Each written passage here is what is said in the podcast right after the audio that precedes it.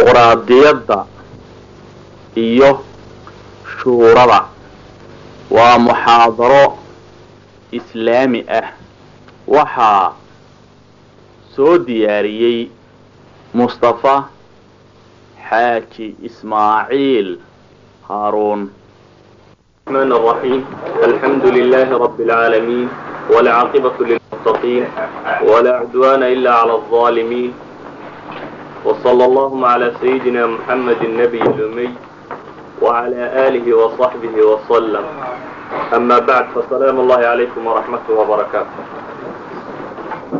n maanta laga bilaabo haddii alla yidhahdo waxaan jecellay inaan ka waranno mawduuc ku saabsan annadariyaat asiyaasiya fi lxukm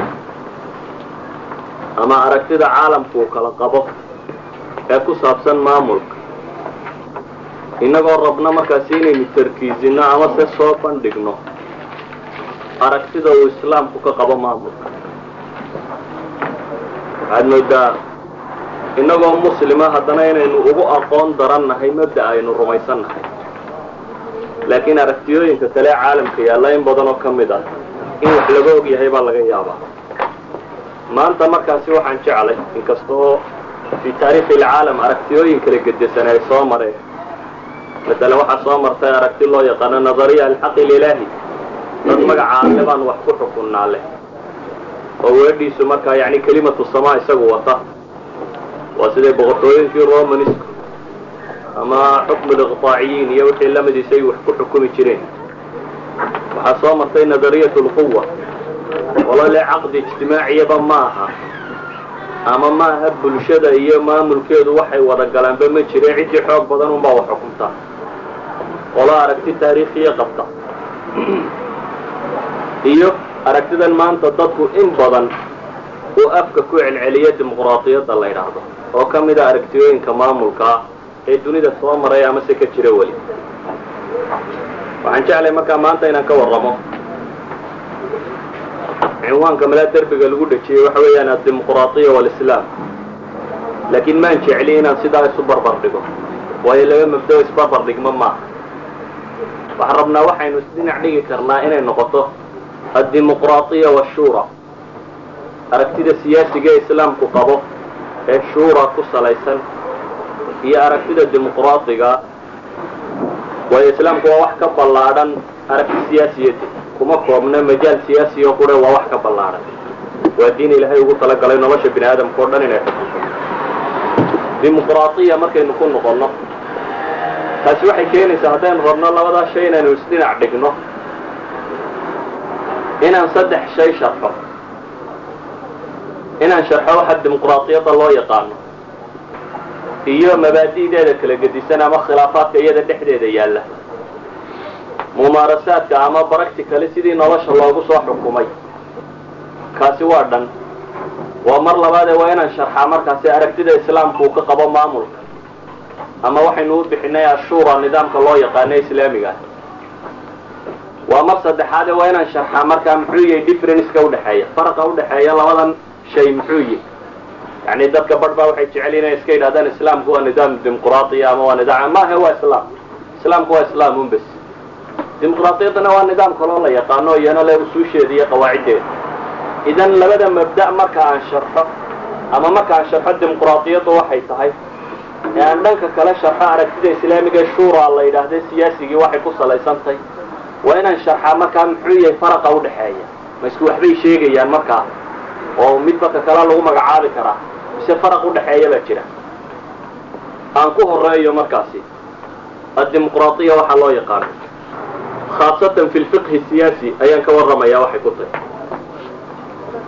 Yurub sida badan ama saynu naqaano yurub had iyo goor laba shay bay ka dhimbiil qaadataa midi waa mabda'eedii dee christianitiga ahay ee rumaysnayd markay ka gaalowdayna dee ilxaadkeedii ka labaadna wuxuu yahay aturaat alhilini ama dhaxalkay ka dhaxleen yunaaniyiintii hore ama griigii hore dhaxaltooyada waxyaabihii ay ka dhaxleen ee mawruusaadka ah. Khaasatan arrimaha siyaasadda iyo musطalaxaadka iyo waxaasi ku xidhiidha inta badan waxay ka qaadataa yurub. Turaadkeedii hiliniga ahaa ee taariikhiga ahaa. Ama waxay u yaqaaneen greco roman.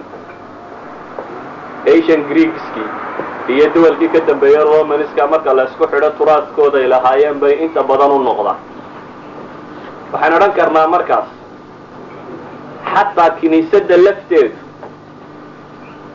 maamulka xagga siyaasigaa waxay ku salaysatay. Aragtida ah dhaxalkii ay ka dhexleen asian greekska iyo romaniinta iyo waxaas. Xataa kiniisadda saa loo maamulo baynu leenahay waa tan catholic oo kale markaad soo qabato saddex boqol oo cardinaal baa ka taliya dabeetana boob bay doortaan haluma jara.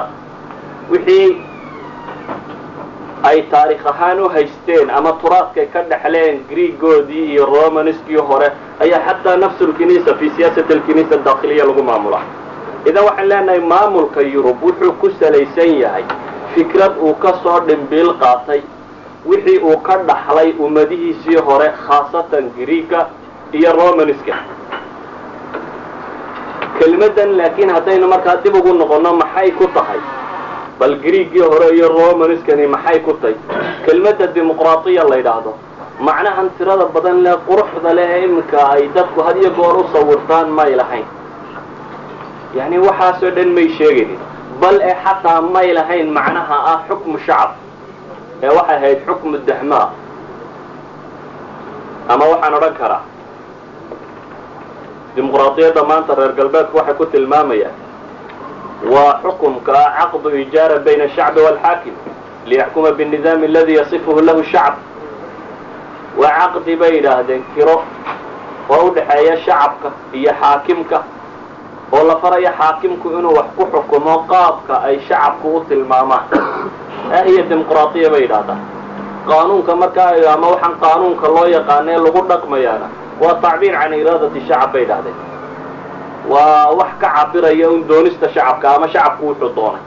Laakiin waxaynu leenahay marka loo noqdo dimuqraadiyadii hore ama asalka meesha ay arrintani ku leedahay asian greekiski may aqoonin wax loo yaqaano dimuqraadiyad oo ah nidaam dastuuriya asliyan laakiin waxay ahayd shaklun min ashkaal almumaarasa shaklun min ashkaal mumaarasati sulta yani waxay ahayd weji ka mida wejiyada siyaasiga ee markaasi lo ay samaynayeen erayga kan addimuqraadiya wuxuu ka yimi laba kelmadood oo yunani oo laysku naqay laba kelmadood oo greek ah midi waa demos midna waa kratos.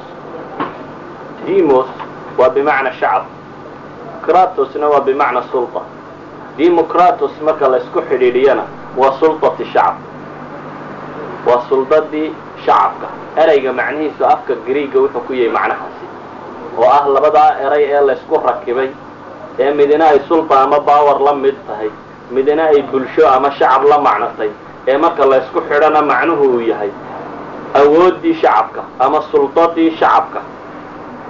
Waxaan leenahay markaasi yunaaniyiintii hore waxay iyagu isticmaali jireen muu ahayn shay siyaasiya oo dastuuriya ama se dastuur leh laakiin wuxuu ahaa qaab ay u mumaaraseeyeen ama se ugu dhaqmeen suldadii markaas. Waayo waxaynu rumaysannahayba awalu kitaab fi lcaalam la qoro ee fi lfiqi dastory laga qoro waa maa katabahu alcaalim almuslim almaawardi. Maawarda ugu horreeya kitaab fiqi dastuuriya dunida laga qoraba lidalik yurubiya yurub iyo dhankeeda tan lama aqoonba wax loo yaqaano alfiqi dastuuri. Waa mas'ale mar dambe iyaga u timiba. Waxaan leenahay markaa waxay ahayd aragtida tani. Aragti ku saabsan inay magaalo meel u baxdo kiyaanaad siyaasi oo yaryar inay wax isku xukumaan. Waxay ka bilaabatay magaalo la yidhahdo sbirta. Magaaladaa yar ee waddanka greega ku taalla dadkeedii waxay qaateen waxaan dimuqraadiyadda loo yaqaano dimuqraadiyadda magaaladaas ay qaadatay waxay ahayd waxay rumaysnaayeen wax loo yaqaano xukuumat lmadiina ama dawladdii magaalada dawladda yar ee magaalada waxay ahayd in banaanka ay isugu baxaan shacabka magaalada yar oo dhami. Dabeetana halkaasaa qaanuunka laga soo saaraa wax lagu xukumaa xeerka laga fuliyaa wax walba. Saddexda suldo oo dhami isku mid quray ahaayeen. Qoladaa yare halkaa u fadhiisato markaasi waa xeer beegtii un tuulada meel ugu baxday dabeetana go'aana gaadhay. Waxay gaadhana markaasi magaalada lagu fuliy markay muddo jirtay waxaa nadariyadii ay u sii aragtidii bay ku dhaqmeen tuulada yar. Laakiin mumaarasaadkaasi shacbiga ah ay dadku ku dhaqmeen may ahayn awalan mumaarasa yacni ka timid fikrad ama falsafa ama mabdac inay aaminsan tahay. Ee wuxuu ahaa un dhaqan ay dadka kale iska sameeyeen. Weliba waxaan odhan kara cahdigaasi falaasafadii joogtay aad bay u ceebayn jireen arrinta dimuqraadiyadda loo yaqaano matalan falaasafadii suqraat aflaton actinio aristo shisharo dhammaantood way naqdiyeen aragtidii dimuqraadiga ahayd ee waagaasi ay haysteen waddanka greek yani ma ahayn qadiya xataa falaasafadooda ay rumaysantahay magaalin baa kaynta isugu qaxday dabeetana halkan fadhiisatay waa xukuntay dabeetana waa lagu dhaqmay. Waxaanay u bixiyeen dimuqraadiyad waxaana lagu xukumayey magaalo qure waddan may ahayn ama se aragti siyaasi oo ballaadhan may ahayn. Naqdiga qolada tani ku naqdinayeenna koo waxaa ugu horraysay waxaana wadaan tuulun baa lagu xukumi karaaye ma aha wax ummad lagu xukumi karo. Taaniyan waxay lahaayeen waa xukmu lqawqa waxaana wadaan waa yacni bulshadu had iyo goor dad umiyeen ama dad aan wax garanay ama dad aan majriyaatu siyaasa si fiican ula soconin bay u badantay. Saa daraaddeed waxay lahaayeen waxaana kaynta la fadhiisateen. Waa uun qawqaagii magaalada inta isugu yeedheen un waxgooyay ma ahabay taagnaayeen ma mabdaa la qaadan karo. Waxay taasi keensatay markay falaasafadoodii ka soo hor jeesatay isla markaasi ay noqon weyday inay tuulo ama si magaalo dhaafto. Inay yurub dimuqraadiyadda wixii la odhan jiray ay ilowdo kun sannadood baan cid dambe soo hadal qaaday. Alfa sana dambe ayaan laga maqan dunida korkeeda ama reer galbeed wax dimuqraadi la yidhahdaba waxay noqotay markaa aragtiya oo aan socon karaynin saasi daraaddeed bay ku dhaafeen.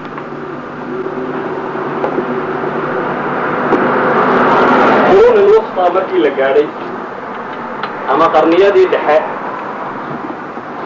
ayaa mar labaad waxaa soo noqday aragtidii dimuqraadiyadda la odhan jiray khaasatan qarnigii toddobiyo tobnaad laga soo bilaabo khaasatan markii ay dhacday athawra alingiliisiya ama hawraddii waddanka ingiriiska ka dhacday kun lix boqol labiyo afartankii ilaa kun lix boqol iyo sagaal iyo afartankii taasoo keensatay inay hesho xuquuq dastuuriya kadib markii ay dhaceen dagaallo badan oo barlamaaniya ama siyaasiya ama caskariya oo ku gebagaboobay in la qabto boqorkii waddanka ingiriis ka tarin jiray ee charles la odhan jiray oo maxkamad la soo taago oo dil lagu qaado. Dawraddaa dabadeed ama quruuni lwustaa waxaa kaloo iyana istaadhmay qarnigii siddeed iyo tobnaad kaasi hore wuxuu ahaa qarnigii toddobiyo tobnaad athawra alingiliisiya qarnigii siddeed iyo tobnaad baa iyana waxaa mar labaad bilaabatay. Athawra alfaransiya falasafatu alqarni athaamin cashar ama qarniga siddeed iyo tobnaad falaasafadoodii sida montisco ama jan jack rosso oo ah ninkii qoray social contract bugga la yidhaahdo. Social contract waa bug ay u bixiyeen inuu yahay injiil thawra faransiya ama injiishii biblekii tawradda faransiiska. Yacni meeshay ka dhimbiil qaadanaysay wuxuu ahaaba yidhahdaa buuggu qoray ninkaasi la yidhahaa jan jack rosso isku daro falaasafada qarnigaa siddeed iyo tobnaad iyana waxay bilaabeen inay fikradda tan mar labaad soo celiyaan. Taasaa keensatay markaasi inay dhacdo athawra alfaransiya kun toddoba boqol sagaal iyo siddeetankii ilaa kun toddoba boqol saddex iyo sagaashankii. Thawra alfaransiya oo iyana ku gebagabowday in boqortooyadii laga takhalluso jamhuuriyadna la sameeyo ummaddana dastuur loo qoro. Dastuurkaasna lagu iclaamiyo. Waxa loo yaqaano alxuquuq alinsaaniya laguna sugo mabda'a la yidhaahdo. Sinaanta fi lxuquuqi walwaajibaat yacni almusaawaa in la helo mabda'a oo ku saabsan xuquuqda iyo waajibaadkaba in lagu siman yahay. Waxaynu leenahay laakiin. Sida uu doctor turabi oo kale leeyahy wuxuu leeyahay waxaan odhan karaa yurub maadaama ay lowday fikraddeedii dimuqraadiga la odhan jiray hore.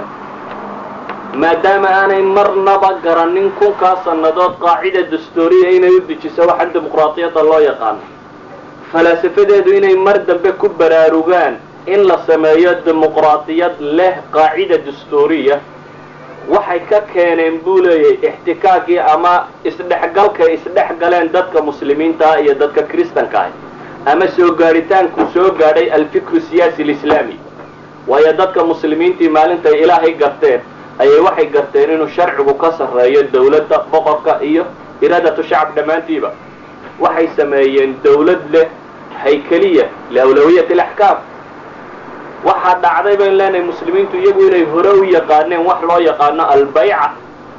Mafhuumi albayca muxuu yahay baycadu waa waxa lala gala imaamka ama ninka madaxweyneha u noqonaya dadka muslimiinta. Baycadu waa caqd ama waa contract ama waa heshiis. Heshiiskani muxuu yahay? Bayca waa caqdi. Fuqahadii muslimiintii hore waxay uga qiyaas qaadeen fiqhigooda mas'alada ugu caansanayd oo ahayd albayc caqdulbayc bay uga qiyaas qaateen baa la yidhi ashhar lcuquud ahayd. Dabeetana caqdulbayca baa loo bixiyey. Baycadu maxay tay waa xaqa ay ummaddu leedahay inay socodsiiso ama ay heshiis la gasho inuu nin madax ummadda uu u noqon karo. Laakiin bishart inay kula gasho maxay? Bilikhtiyaari warida wa bilmashuura inay iyadu raalli ka noqotay dooratay go'aan ama shuurana ay ku gaadhay. Caqdiga kaa lagula galo madax ayaa waxaa loo yaqaana caqdi albayca shariica alislaamiya waxaynu leenahay caqdigaa baycada oo ah kuu imaamu malik fityoonayey man baayaca imaaman wahuwa mukrih wahuwa mukrah faina baycatuhu baطila lianna sharط lbayca tawafur اlxorriya wاlاkhtiyaar imaamu malik baa wuxuu lahaa cidda imaam bayco la gasha isagoo la qasbay ama aan xorriyadiisa kula gelin oo aan biikhtiyaarihii ku dooran ee la qasbay baycadiisu waa baatil buu lahaa waayo shardiga baycadee koowaad waa in la helo tawafur alxorriya walikhtiyaar doorasho in la helo. Muslimiintu waxay yaqaaneen caqdigaasi marka lala galo caqdulbayca madaxda. In haddana uu jiro qaanuunka loo yaqaano almuxaasaba oo ah xaakimku inaanu wuxuu doonaba samayn karin ee inuu xaakimku wadiifa tanfiidiya inuu yahay. Wadiifo shaqo fulinaysa inuu yahay ama nin shaqaala oo shaqo fulinaya oo weliba lagu xisaabinayo shaqadu fulinaya inuu yahay almuxaasaba waa qadiya yacni dadka muslimiinta agtooda mas'ala badiihiya ka ahayd waayo waxa qof walo muslim oo rumaysnaa siduu nebigu tilmaamayay inuu mid wal oo muslimaba yahay. Mas'uul. Uu qof waliba mas'uuliyaddu inay gaarkiisa u saarantay. Waxaynu garan karnaa yacni muslimiintu xadkay ka taagnaayeen in madaxda markaasi uu yahay nin shaqaale oo caadi oo la xisaabinayo qaanuun iyo dastuur lagu doortay oo hadduu khilaafo lagu xisaabinayo cumar bin alkhadaab baa maalin maalmaha ka mida istaagay. Dabeetana intuu hadlay buu yidhi ismacuu atiicu hallay maqlo hallay adeeca buu yidhi. Salmaan alfarisi saxaabiga la yidhaahdaa intuu istaagay wuxuu yidhi lagumana adeecayo lagumana dhegaysanayo ilaa aad ka warranta buu yidhi. Maradan dheeraadka adigu xaggaad ka keentay. Waa imaam almuslimiin baa waxaa lagu xisaabinayaa xoolihii dadka muslimiinta oo la leeyahay xaq qof waloo muslimiba markii ay faygi ama haniimadii la qaybsaday qaybtii loo yeyeeshay qayb ka badan baad adigu guntantaa la yidhi cumar nin dheer buu ahaa. Maadaama uu nin dheer ahaana marada gobolkiisii uu helay kuma fillayn maro dheer oo dee wada qarinaysana uu guntan yihi dabeetana waxa salmaan alfarisi uu yidhi laguma dhegaysanayo marka hore e marka ka waran maradan dheeraadka adigu xaggaad ka keentay. Cumar markaasuu yidhi wiilkiisiioo meesha fadhiya cabdillaahi bni cumar. Cabdillaahi bni cumar oo warran cabdillaahi bni cumar baa warramo wuxuu yidhi aabbahay waa nin dheero gobolkiisii wuu ku fillaan waayo anaa gobolkaygii ugu daray buu yidhi. Oo anigu mara ma haysto. Maradan dheeraadkii uu sitaa waa taydiio anaa ugu daro markuu isku toshay. Mur ilaana nasmac wa nutiic buu yidhi markaa salmaan hadda wax dheh haddaba haddaa lagu aqbalayaa buu yidhi oo lagu dhegaysanayay. Yacni may ahayn madaxda inta la saaro un la iskaba tegi jirin. Ee madaxda waxay ahaayeen kuwa la xisaabiyo. Awalan markaa alfiqi siyaasi dadka muslimiinta ay rumaysnayen waxay ahayd in bayco lala gala imaamka oo baycadan ay ku timid bilikhtiyaari waalrida wa bilmashuura inay ku timaado in isla markaasi muxaasaba la leeyay oo waa wadiifo waa nin shaqo la qorayo shaqada tan lagu xisaabiyo wuxuu xumeeyo iyo wuxuu wanaajiyo. Idan yurub laakiin waagaas iyada fikradda taallay. Waxay ahayd ama medieval periodka waktigay ku sheegaan. Qurun ilwusfa qarniyadii dhexe. Waxay ahayd qarniyaha yurub madoobay oo waayo federal systemkii baa dee lagu maamuli jiray xukmu liqtaac. Dadka iyo dhulkaba nin baa isku lahaa. Dhul walba nin baa lahaa iyo dadka deganba. Dabeetana boqorkuna wuu u sii wada talin jiray.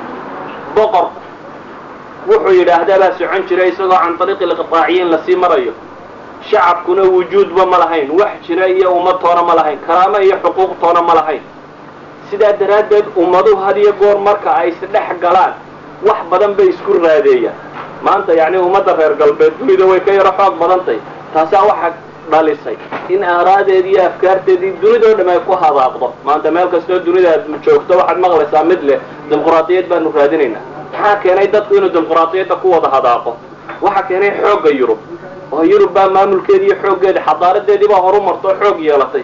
Taasaa markaa dadkii kale coqdatu naqas ay ku dhacdo iyagun kaga daba hadaaqeen fakadalika almuslimuun fii casrihim waxay ahaayeen addawla alawal baynu dhi fi saynu hore uga soo warrannay lidalik gariib ma aha inay afkaartii dadka muslimiinta ay rumaysnaayeen inay gudubto oo ay yurub u soo gudubto maadaamaay muslimiinta andalus iyo dhulkan oo dhan iyagu xukumayeen yurubna boqorku wuxuu ku xukumi jiray waxa loo yaqaano alxaq alilaahi nazariyat alxaq alilahi almuqadas baa yurub taallay oo ah in dadku ay rumaysayiin boqorku inuu hadhkii ilaahay yahay.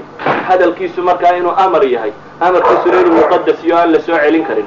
Weliba kiniisaduna saasay la dhinac taagnayd kitaabku ay lahayd. Sidaa boqorku yeelay waa in la yeelaa. Markaa dadku muu lahayn wax hadala ama wax ka soo celina. Waxay leenahay fikradda dan ah inuu soo baxo alqanuun dastuuri ama qaacida dastuuriya inay yeelato dimuqraadiyaddu waa fikrad ka soo tallowday dadka muslimiinta ah kadibna waxaa dhacay falaasafadii reer galbeed inay ku dhawaaqeen mas'aladatan si shacabku uu xorriyad u helo. Madaalimtii tirada badnayd ee yurub taallay iyo falaasafadooda dhawaaqoodii ayaa waxay sababtay. Iyo dad aqraad leh qaradkooda markaynu ku darno oo capitalismko isna meesha joogay oo dee raba iqtaaciyiinta inuu qallibo. Markaynu isku darno waxaasoo dhan baa waxay sababeen athawra alfaransiya mas'alada tani inay soo gudubtay waxaa qaba aktar culamaai lmuslimiin xataa sheekh maxamed qutb waa ka kitaabkiisa ku tilmaamay yani thawra alfaransiyaba waxaa sababay baan odhan karaa buu yidhi alxuruub asaliibiya oo ah crusadesku dagaaladii ay la galeen dadka muslimiinta ah iyo liqaagii silmiga ahaaba ee dhex galay buu yidhi dadkii muslimiinta ahaa iyo kristanku dadkii ay iskuullada u soo diran jireen. Sidaynu inagu intaynu iskuullada reer galbeed scholarshipka laynaga siiyey ay u noqdeen qolada siyaasiyiinteeno iyagoo dimuqraadiyad iyo wax sheegaya markii way xaggaa joogeen waxba may garanaynin. Xaggan iyo yurub markii ay ka noqdeen bay noola yimaadeen dimuqraadiyad. Ayaa dhalintii reer galbeed markay u soo dirtaan ardaydooda dunida muslimiinta ah la noqdeen buu leeyahy afkaartan cusub ee caalamka yurub markaasi ku cusboonay. Laakiin waxaan leenahay yurub alfikri siyaasi alislaami siduu ahaa umay wada qaadan maadaama ay jirtay cuqad badan oo kiniisadu ay abuurto dadka islaamka loo geliyey maadaama ay jiray dagaaladii crusadeski ee wixii lamidi maadaama ay jirtay xamlaatu tanfiir dhammaanteedba. ee waxay isku dayday bal inay u noqoto turaadkeedii hore ee greco romanka ahaa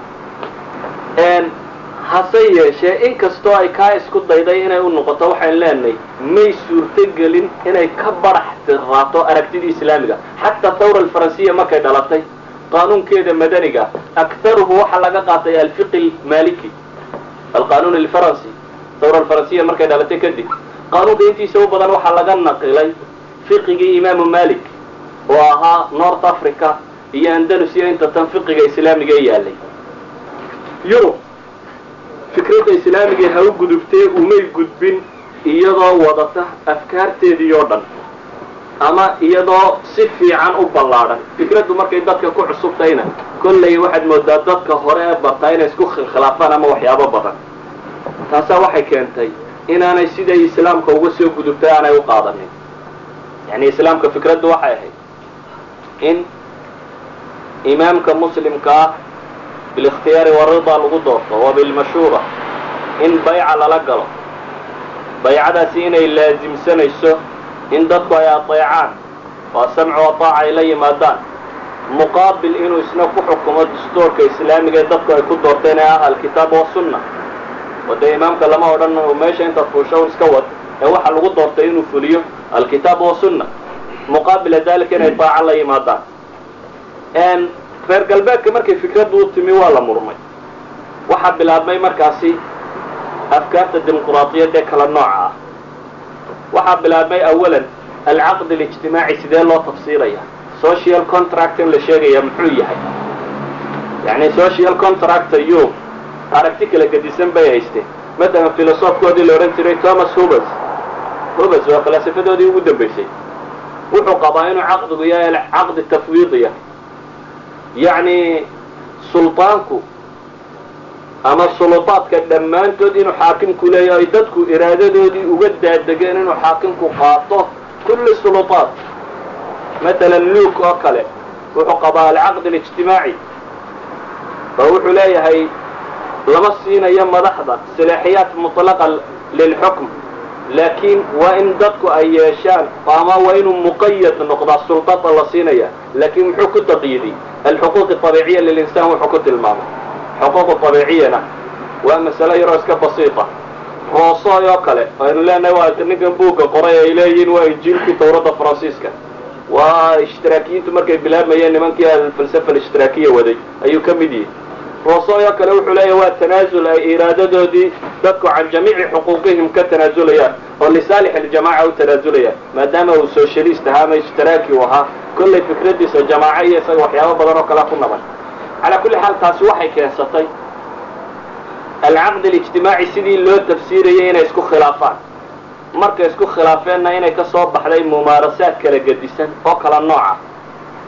Awalan waxaa soo baxay badhkood waxay yidhaahdeen heshiiska lala gelayo xukunka ama se dawladda ama dadka wax xukumaya waa caqdi tafwiidiya marka caqdiga tafwiidi waa iraadadii shacabka ama doonistoodii ay ka tanaasuleen oo uga tanaasuleen inuu xaakimku qaato. Qolana waxay yidhaahdeen ma aha ee waa caqdu mucaawada waa wax wax la siisanayo. Oo maxaa la siisanaya waxaanu siinaynaa bay leeyihiin nasiibana min asulطaan lilamiir qaybtaan anagu xukumka ku lahayn baanu madaxda siinaynaa. Isaguna inuu laazimo muqaabila dalik yani iltizaamaat inuu isaguna ay korkiisa ahaado. Labadan itijaax waa la mumaaraseeyey labadaba. Markay mumaarasaadki galeenna way kala fogaadeen. Kii qabay inuu caqdigu caqdi tafwiidiya yahay waxa ka dhashay dimuqraadiyadda wadanada shuuciga ah. Shuuciyiintu soomaydan ku wada arago ciwaankooda dimuqraadina uu ku jiraayo dabcan iyo min adimuqraadiya laakiin waxay ka timid social democracygaasi ama dimuqraadiyadaasi shuuciyadda salka ku leh waxay ku salaysantahay fikradda ah inuu caqdigu ama heshiiska lala galay inuu caqdi tafwiidiyayay oo shacabka o dhamme iraadadiisii inuu uga hadhay ninka xisbiga haysta ama yani xisbiga dawladda maamulaya. Wahaluma jara waxaa waxaa ka soo baxay markaasi waxay u yaqaaniin adimuqraadiyaat shacbiya. Dhanka kale markaan eegno dimuqraadiyadda shacbigii de waa kaa un dictatornimada ku dambeeyey ah secretary alxisbi in shacabka oo dhamme iraadadiisii uga tanaasulo dabeetana secretary alxisbi shuuci inuu waddanka iska maamulo bismi shuuciya isagoo ku maamulaya oo weliba bismi dimuqraadiyana sita oo le wax kasta waa loo codeeyo dee arrinta xisbigunbaa dadka o dhamme u footeeyey itijaaha iskaga nimaadna qaba caqdigu inuu tafwiidiyo waayo waxaad moodaa maanta inuu dunida ka dhammaaday ama inaanu xoog badan ku lahayn maadaama aanu xoog badan ku aan u nimaadno wejiga kale ee yurub maanta yaalla. Waa wejiga loo yaqaano liberal democracy. Liberal democracyga. Dimuqraadiyadda xorta ah malaa bay daaf soomaaliya noqonaysaa. Dimuqraadiyadda xorta ah ee galbeedku uu qaatay muxuu yihi waxay ku salaysantahay fikradda odhanaysa in caqdiga ama heshiiska xaakimka iyo dadku ay wada gelayaan inuu yahay mid mucaawada ah. Oo dadkuna inay wax helaan xuquuqdoodii xaakimkana in la siiyo baawarkii uu wax ku maamulayay. Marka waa laba shay oo la isweydaarsanayo nin in loo doorto oo la siiyo suludaadkii uu wax ku maamuli lahaa. Dadkuna waa inay helaan muqaabila dalik arrintaa ka soo horjeedkeeda waa inay dadkuna helaan maxay? Xuquuq rasmiya oo ay ku dhaqmaan ama si ay sameeyaan. Laakiin waxaan shacabka loo yaqaano waa wuxuu soo maray tatawur tiro badan. Masalan shacabkan madaxda dooranaya muxuu yihi liberal democracyga ama dimuqraadiyadaasi markii hore waxay dhex taallo ninka xaakimka ah iyo asaf alburjawasiya bes dadka maalqabeenka ah oo suldaada waxa qaybsanaya waxay ahaayeen inta xoolaha le iyo iyo ninka xaakimka ah. Waayo matalan intikhaabaadkoodii hore yurub oo kale waagi hore waxa shardi ahaa ninku hadduu rabo inuu wax doorto inuu lacagta intaasi oo kala haysto. Marka waxa weya caamatu naas waxba ma dooran karaan maadaama aad lacag ba adigu lahay xaggaad waxu dooranaysa taasi waxay keensatay markaa inuu ciddan gelaysa heshiisku waxa weeyaan intii maalka lahayd iyo iyo qoladii siyaasiyiinta ahayd ama se maamulka haysatay. Ahayd ama se maamulka haysatay yurub markaasi waxay gashay halgan tiro badan oo shacabkeedu galay halgankaas oo maalinba in loo ogolaanayay yacni ma aha baynu leenahay waxaan dimuquraadiyadda lagu sheegaya. Falsafad inta cidi fakertay dabeetana fikrad filosof ka timiya dabeetana la isku dayo in la dabaqo ma aha. Ee waxay ahayd uun dagaal umade ay soo gashay oo ay xaqeedii kolba in dhacsanayso loo ogolaanayay kolba intii ay dhacsan karto inta kalena loo diidanaa halgan umade ay martay oo kolba wixii ay dhacsan karaysana ay qaadato waxa kalena loo diidanaa ayuu ahaa. Tusaale ahaan gabadhu matalan yurub mamnuuc bay ka ahayd inay wax doorato ilaa iyo goorma.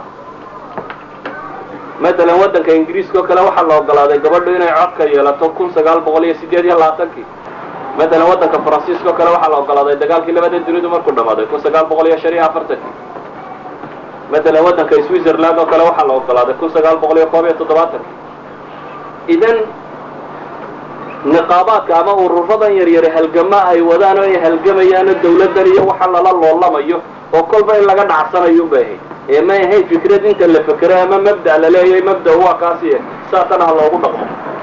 Xataa waxaan odhan karaa qaabka maamulka ma aha fikrad qaabka maamulka aan sheegaya waa maxay? Matalan dimuquraadiyadda waxaa loo qaybiyaa saddex qaybood inay tahy mid waxaa la yidhaha direct democracy. Midna waa semi direct semi direct democracy.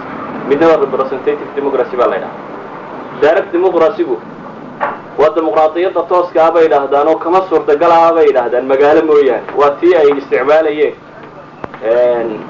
greegii hore oo ah dee dadka o dhami inuu qofku codkiisa wax kasta kala qayb galo. Codka cid siiyo iska hadh maaha wax kasta oo tuuladu inta halkaa isugu baxdaa baa laleeyahy maxaanu yaallaa marka wax kasta codkaagaa diibanaysa. Di qofka la xukumayo codkaagaa diibanaysaa dii maamul la dejinayo codkaaga? Yani codkaaga waa joogto. Marka waxay leeyihiin waa dimuqraadiyadda dhabta ah bay yidhahdaan taasi. Laakiin hadday ummaddu ballaadhato bay yidhahdaan suurtagal maaha. Waxaa timi waxaan loo yaqaano representativeka dadku cid ha doortaan. Ciday doorteen ha maamulaan. Dadku cid ha doortaan. Oo yacni baarlamaan ha la sameeyo. Dabeetana baarlamaanku waxa maamulo. Oo baarlamaanku ha noqdo hay'a tashriiciya madaxweynuhu ha noqdo yani iyo dawladdiisu ama wasaaradu hay'ada tanfiidka wax samaysa. Sultatulqadaa gaar ha loo saaro. Waa haluma jara. Saa ha loo sameeyo. Xataa fikraddaa lafteedu. Ma aha fikrad inta la fekeray ka timi filosof ama nin politically u fekeraya intuu fekeray wax soo baxay maaha. Waa dagaal umadeed ba iyada lafteedu ku timi. Matalan markaan qabanno waddanka ingiriiska ingiriiska saa u taqaanin mooyaane ilaa hadda male waxaa loo yaqaano distoor mudawana distoor qoran male waddanka ingiriiska. Actis waxa la yidhahda uu leeya kolba soo baxa. Laakiin ummadda ingiriis waxa u distoora dhaqankeeda. Markaa dhaqankaa la ilaaliyaa. Yani hidiya dhaqan waxay ummadda u leedahay ayaa distoor u ah. Xataa qaanuunkeeda marka la eego waa qaadiga qura ijtihaadka loo ogolaya waa qaadiga ingiriiska. Qaadiga ingiriiska dhacdo cusub intuu ka ijtihaado wuxuu ku xukumaabaa qaanuun noqon doonaa hadhow. Marka uu ka yaro nidaam gedisan yahay nidaamada reer galbeedka. Awal ciddii isticmaashay inay samayso waxaan loo yaqaano baarlamaanku waa waddanka ingiriisku ha laakiin siduu ku yimi wuxuu ahaa baynu leenahay waddanka ingiriis matalan markii hore shuuradu waxay ahayd manxa wuxuu bixiyo boqorku oo kale. Yacni boqorku maalmaha qaarkood inuu dadka qaar isaga yeedho odayaalo dabeetana uu la shiro. Hadduu doonana uu iska diidade marka waxay dhahdaan wuxuu la shiri jiray dadka wajahaa yani odayada iyo maalqabeennada iyo rijaalu diinka wadaadada iyo waxaasba intuu isugu yeedhaa buu la shiri jiray. Markii dambena waxay noqotay in majaalis loo sameeyo. Majliska kani wuxuu noqday markii dambena in la kala bixiyo laba majlis laga dhigo ilaa iyo arrintii waxay gaadhay in boqorka shaqada laga saaro markii dambe. Maxaa keenay in boqorka shaqada laga saaro?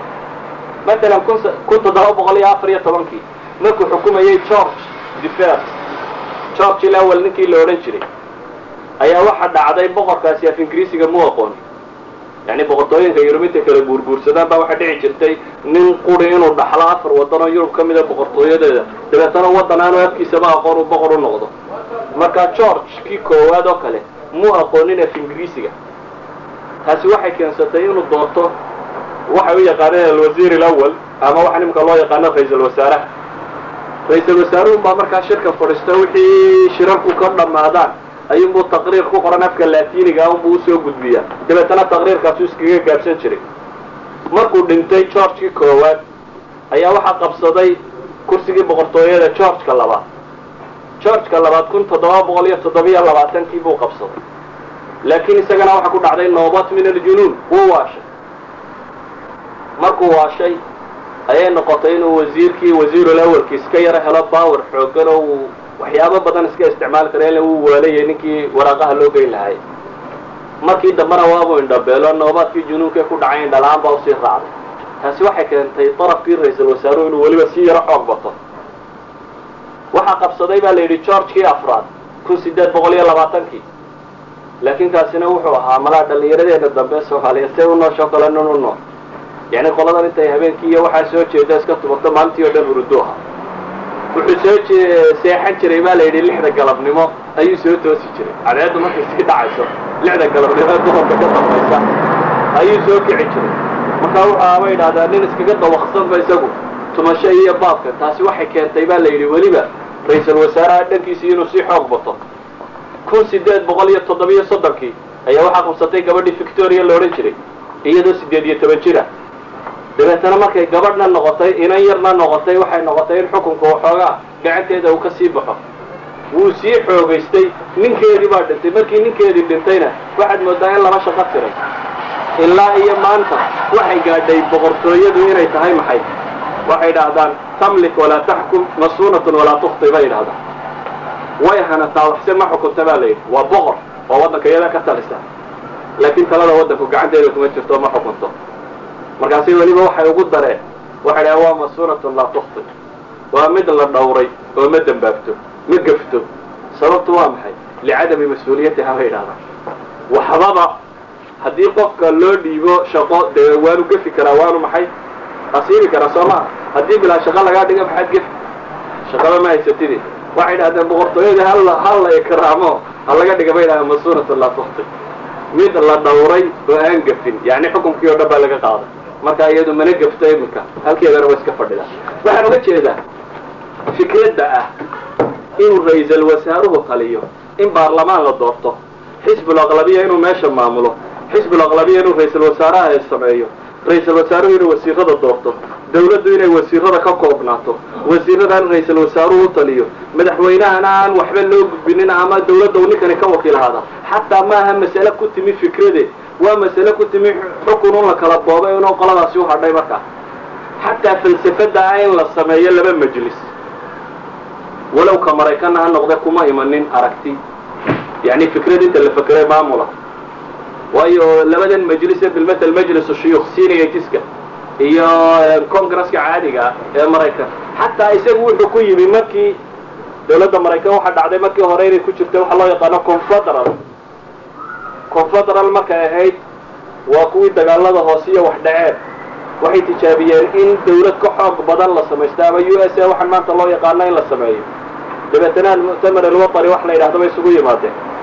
Kaas markii la isugu yimi waxaa la damcay dawlad xoogan in la sameeyo madaxweynuhu baawar ka leeyahy dawladdii xooganayd si loo sameeyo baarlamaankii marka waa lagu heshiin waayo waayo statiska laga dadka badan yahay. Haddii one man one voterka la isticmaalo statiska laga dadka badan yahay waxa weeyaan in lagaga badanayo baarlamaankii markaa waa la dominate garaynaya khilaafkii u dhaxeeyey statiska si la keeno ayaa waxaa la yidhi congreskana ha laga dhigo one man one vote tirada ha ku xidhnaado tirada dadku uu stateka badaniya ha ka bato congress ahaan stateka dadka yar leh.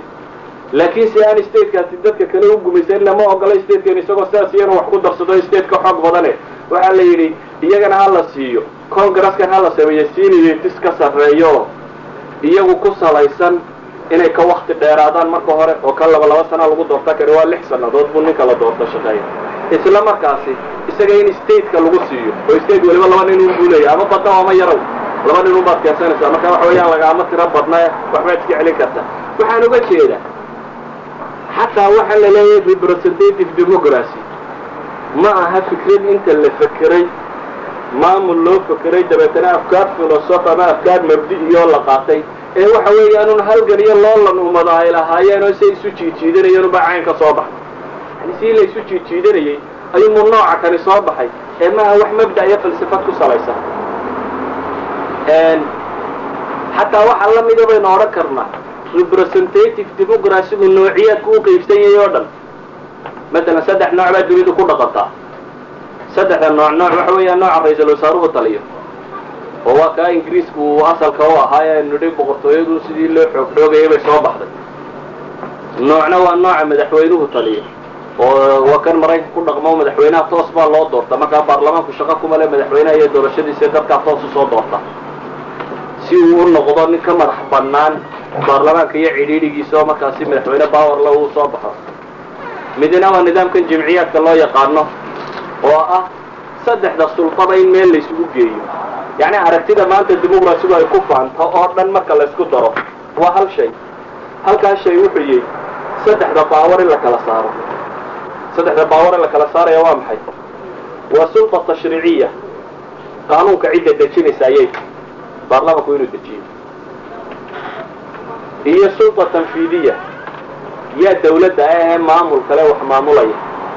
Hadday tahay noocan ra'iisul wasaaruhu ka taliyana dee ra'isul wasaare iyo wasiiradiisa iyo dee dawladdii kale hoos imanaysay hadday tahay noocan presidentialka ee maraykan oo kalena madaxweynaha iyo wuxuu doorto waayo madaxweynuhu waddanka maraykan isagaa doorta ra'iisul wasaareyaasha isagaa doorta wasiirada wasiiraduna ma ahaba dad baarlamaanka ku jira. Waa inaanu baarlamaan ku jirin ninka wasiirka loo dooranayo. Isla markaasi baarlamaanku ma casili karaan wasiirka maraykan. Waayo wasiirka maraykan gebigiisuba waa secretary baa la yidhahdaa. Madaxweyne xoghayo waa kuwan had iyo ku magacaaba. Xoghayayaal waxay u yihiin madaxweynaha taa macneed waxa weya madaxweynahana ergi kara keensana kara.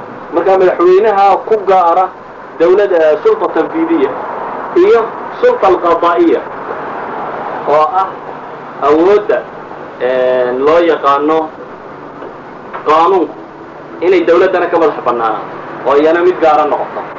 Waxa ay ku faanaanay ugu weyne saddexdooda nidaamba marka la ysku daro waa mas'aladaasi. Waxaynu leenahay marka dimuquraadiyadda waxay ahayd halgan ummadi ay gashay. Dabeetana markii ay halgameen qolaba weji u soo baxay ama wejiga maraykankii ha ka soo baxo ama kan ingiriiska ha soo baxo. Ama kan faransiiskii ha soo baxo. Ama kan switzerland lagaga dhaqmo. Switzerland yani waa nidaam ljimciya jimciyad waxa la yidhahdaa la doortaa sanad laba sanadood bay meesha haysaa. Jimciyadaasa saddexda sultaba leh. Halkii qoladan kale kala saarto saddexda sulto saddexda sultaba jimciyadaa leh. Jimciyaddu ninkay doortaa ma isma casili kara xataa isagu. Waa nidaam ka gedisan nidaamadan dunidu ku dhaqanto o dhan. Weligii meedan maqal inta badan iyadoo la hadal hayo ra'iisul wasaare ama madaxweynaha switzerland ba waxaa yidhi way ra'iisul wasaare iyo waxa la yidhaahdo madaxweyne toona awood kuma laha. Ee waa nidaam ka gedisan intaba nidaam uljamciyaadka la yidhahdo soo duuduuba waxaynu leenahay waxa kani afkaarba maaha eh waa dhaqanno ummadi ay lahayd. Halganno ay soo gashay. Awooddiiyo siyaasadda laysku riixriixday dabeetana wejiyada tani ay ka soo baxeen. Waxaan leenahay markaa waagii hore waxay ahayd dimuquraadiyadda reer galbeedka taalle liberal democracyga la yidhahda dhammaanteedba wax u dhaxaysa nimanka lacagta leh ama burjuwaasiyiinta ah iyo qolada madaxda noqonaysa. Waayo ninkaana xoola haysani dee waxba ma doolan karayna kadib bay sii ballaadha ilaa iyo ay noqotay dimuqraadiya liberaaliya shacbiya waxaynu ku sheegi karno. Oo xaqu taswiit codbixintii dad badan markii dambe loo ogolaaday kolba sidii qole loogu ogolaanayo dadku u halgamayey ilaa dumarkiina markii dambe loo ogolaaday yani aragtidooda. Loo ogolaaday alistiftaa inuu dhaco. Loo ogolaaday yani wasaaishan ra'yil caamka wax ka bedashe tirada badan leh. Waxyaabahan badani markii dambe ayay ku soo biireen. Laakiin waxay leenahay markii hore halgankani wuxuu ka bilaabmay matalan dadku waxay ku doodi jireen waagii hore xaqul intiqaal hana la siiyo inaynu guurguuraha nala ogolaado yurub mamnuuc bu ahaa. Waddanka hadduu magaalada ku dhalatay inaad ka baxda laguma ogoleen federal systemki markaa dadku xuquuqday waagii hore doonaya waxay ahayd in loo ogolaado inay magaalada kala tegi karaan. Magaalada kale inuu gaadhi karo in loo ogolaado tii markay timi baa waxay yimi xaqulcamal shaqo dadka ha loo ogolaado shaqo dadka ha loo ogolaado waxaa abuuray maxay? Industrial revolutionkii markuu dhacay. Dabeetana ay raasamaaliyadu samaysantay dabeetana shaqaalo loo baahday dadkiina dee iqtaaciyiinta beeraha ku haysto kama soo baxayaanoo looma ogola ayaa qolada tani bilowday ololahaasay shaqaalo ku hesho jaban ile dadkii qola haysatee. Marka dadka in loo ogolaado xaqulcamal ma ahayn xuquuq insaaniya laysu ogolaanayo waa laba qoloo iskaryanaya oo doonaya inay shaqaalo helaan qolana rabta inay dadka iyagu haysato. Waxaa bilaabmay xaqulcamal waxaa bilaabmay xaqu tacliim waxaa la yidhaahdo. In dadka loo ogolaado inay wax bartaan awal mamnuuc bay ahayd. Waxaa aabbaha iyo qarubaadna lagu ogolaa inaad barato aabbahaa kabatole iyo adna kabatolba noqonaysa hadduu beerfale iyo beerfale halkaa un dee reerkiina uu jooge waxa lagu hayo unbaa dee beranaysa markaasaa waxaa timi fikradda in dadka loo ololeeyo in loo ogolaado xaqu tacliim aakhir bay waxay soo gaadhay in la ogolaado alxuquuq siyaasiya waxa maanta lagu sheego. Oo ah masalan qofku inuu wax dooran karo inuu issharixi karo inuu hadli karo inuu markuu doonaan kulan samayn karaan inay ixtijaaj dhiibi karaan oo ka soo horjeesan karaan dawladda iyo waxa kan yacni aakhirkiibay waxay u sii durugtay inay ku dhawaato waxaynu leenahay maanta waxa loo yaqaano dimuquraadiyadda kale. Weliba waxaynu leenahay dimuquraadiyaddaasi inkastoo ay dhankaa u sii socoto dhanka shacabku inuu baawarka helo. Inkastoo la leeyahay iyadana caraaqil badan baa maanta taagan. Alcarqala aluulaa waxay leeyihiin sidii loo ballaadhiyey xuquuqda siyaasigaa looma ballaadhin xuquuqda iqtisaadiga. Ah macnaheedu waxa weeyaan bay leeyihiin almajaal aliqtisaadi baa wuxuu noqday mid sayfaraynaya almajaal siyaasi. Masala haddaan lacag lahayn dee isma sharixi karti maraykan maanta afarta shirkadooda lacagta waddan kale ayuunbaa shan qof inta iyagu keenaan yidhahda dadka kala doorta laakiin qof kale ma iman karo. Waayo iclaanaadkiisaba kama bixi karo idan quwa iqtisaadiya cidda haysata ayuunbaa waddankana maamusha. Iyagaa keena shantan la kala dooranayo booj iyo clinton kan laleeya kala doorta. Ma aha wax ra'yi jar ka yimi. Laakiin waa wax ka yimi uun dadkii maalka lahaa cidday maalgeliyeen unbaa meesha tan imanaysa. Cid gaarun baana adiga lagu leeyay markaa qofku. Waxay leeyihiin xorriyadiisii siyaasiga ahayd waxay ku kooban tahay.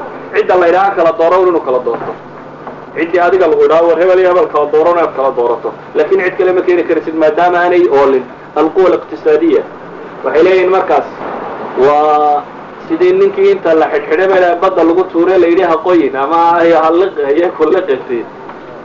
ma xorriya siyaasiya baan ku ogolaaday aan lahayn bay leeyihiin xorriya iqtisaadiya waxay bay leeyihiin sida loo ballaadhiyey awoodda siyaasiga uu qofku leeyahy in loo ballaadhiyo awoodda dhaqaale uu qofku leeyahy ama inaanay suurtagal noqonin dhaqaalaha waddanka inay fi'a yari xukunto ama dad yar ay xukunto.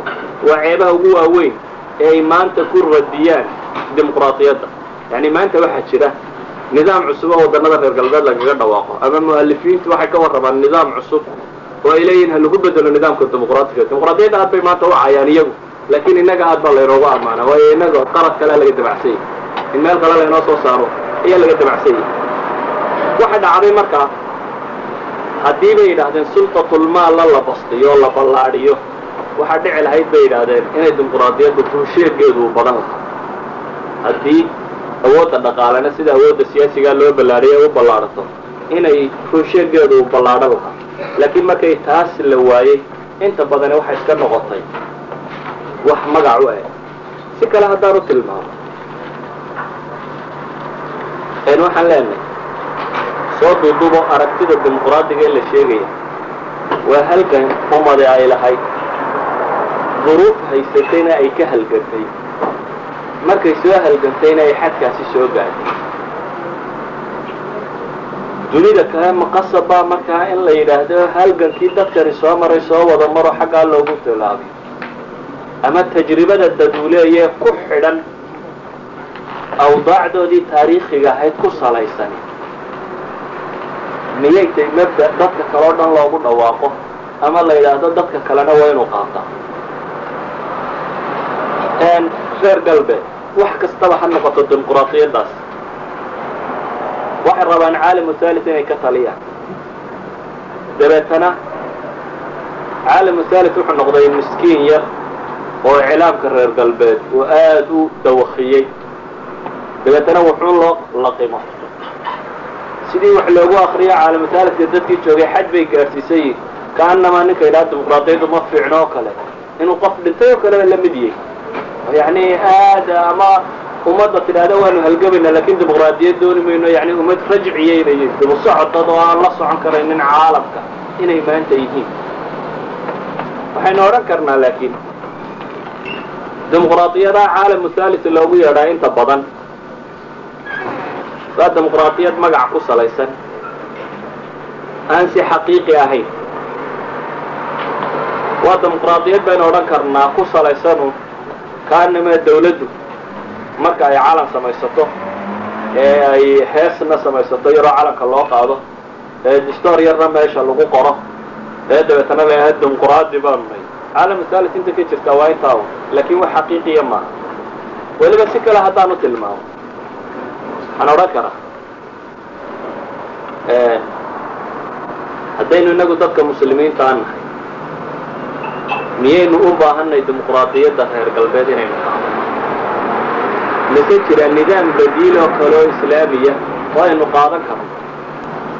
Reer galbeed dimuqraadiyaddooda anigoo marka aan ka warramayo faraqa u dhaxeeya mabda'a siyaasiga islaamiga iyo kan dimuqraadigaa tilmaami doona ma aha qiimo caalamiya ee waa qiimo ku salaysan masaalixdooda. Matalan haddaad si dhaba xataa dimuqraadiyadda u qaadato oo ay ka soo baxdo natiijo aanay iyagu doonaynin reer galbeed dimuqraadiyaddaana ma ogola. Maa waqaca fi algeria. Matalan algeria waxay dhahdeen dimuqraadiyad baanu qaadan. One man one vote baanu qaadan. Wixii ka soo baxa ayaanu ku dhaqmaynaa markaasaa waxaa soo baxday eighty percent in ka badan boqol kiiba siddeetan inay dadkii u footeeyeen dadkii waday aragtida islaamiga. Haddii baarlamaankuna uu tuuteg ama saddex dalooloo laba uu xisbi yeeshay wuxuu xaq u leeyahay inuu bedelo distoorka waddanka. Taasi waxay keensanaysaa markaa markay yimaadaan dadka jabha alislaamiya markay timaado meesha inay awood leedahay markaasi ay dastoorka ku bedeli karto ay qaadan karto shariica alislaamiya reer galbeed markay arkeen dimuqraadiyadda tani inaanay danahoodii soo saareen inqilaab bay sallaxeen xataa waqacat fi marka la eego turkiya xisbu salaamiya waktigiisii wixii ka dhacay masalada dib baan uga warrami doonaa waxaan uga jeedaa xataa in kastoo ay ahayd aanay fikrad ahayne dad dhaqankooda ahayd oo ay xadkan la soo gaadhayna mana ogola xataa reer galbeed dimuqraadiga sheegayaan haddaad qaadato oo waxaad adigu doonaysa u ka soo baxana isagu taasina raalli gelin mayso laakiin waxa fiican bal horta inaynu bal dhanka kalena eego waxaan leenahay dad muslimiina baynu maadaama aynu dad muslimiinanu nahayna waxaynu rumaysannahay kitaab ilaahay soo dejiyey. Ilaahayna kitaabka wuxuu u dejiyey inaynu nolosheenna adduunyo iyo ta aakhiraba kulliba yani cid waliba waxay samayso iyada qaanuunka u dejisa ama wuxuu ku dhaqmayo qof waliba wuxuu sameeyey isagaa dadka ugu aqoon badan ilaahay subxaanahu watacaala isagaa bini aadamka abuuray garanayana waxa u alaa yaclamu man khalaqa wahuwa latiifu lkhabiir dabeetana wuxuu u dejiyey waxay ku dhaqmi lahaayeen islaamku markaasi wuxuu leeyahay mabda siyaasiya oo ku salaysan arkaan dhowra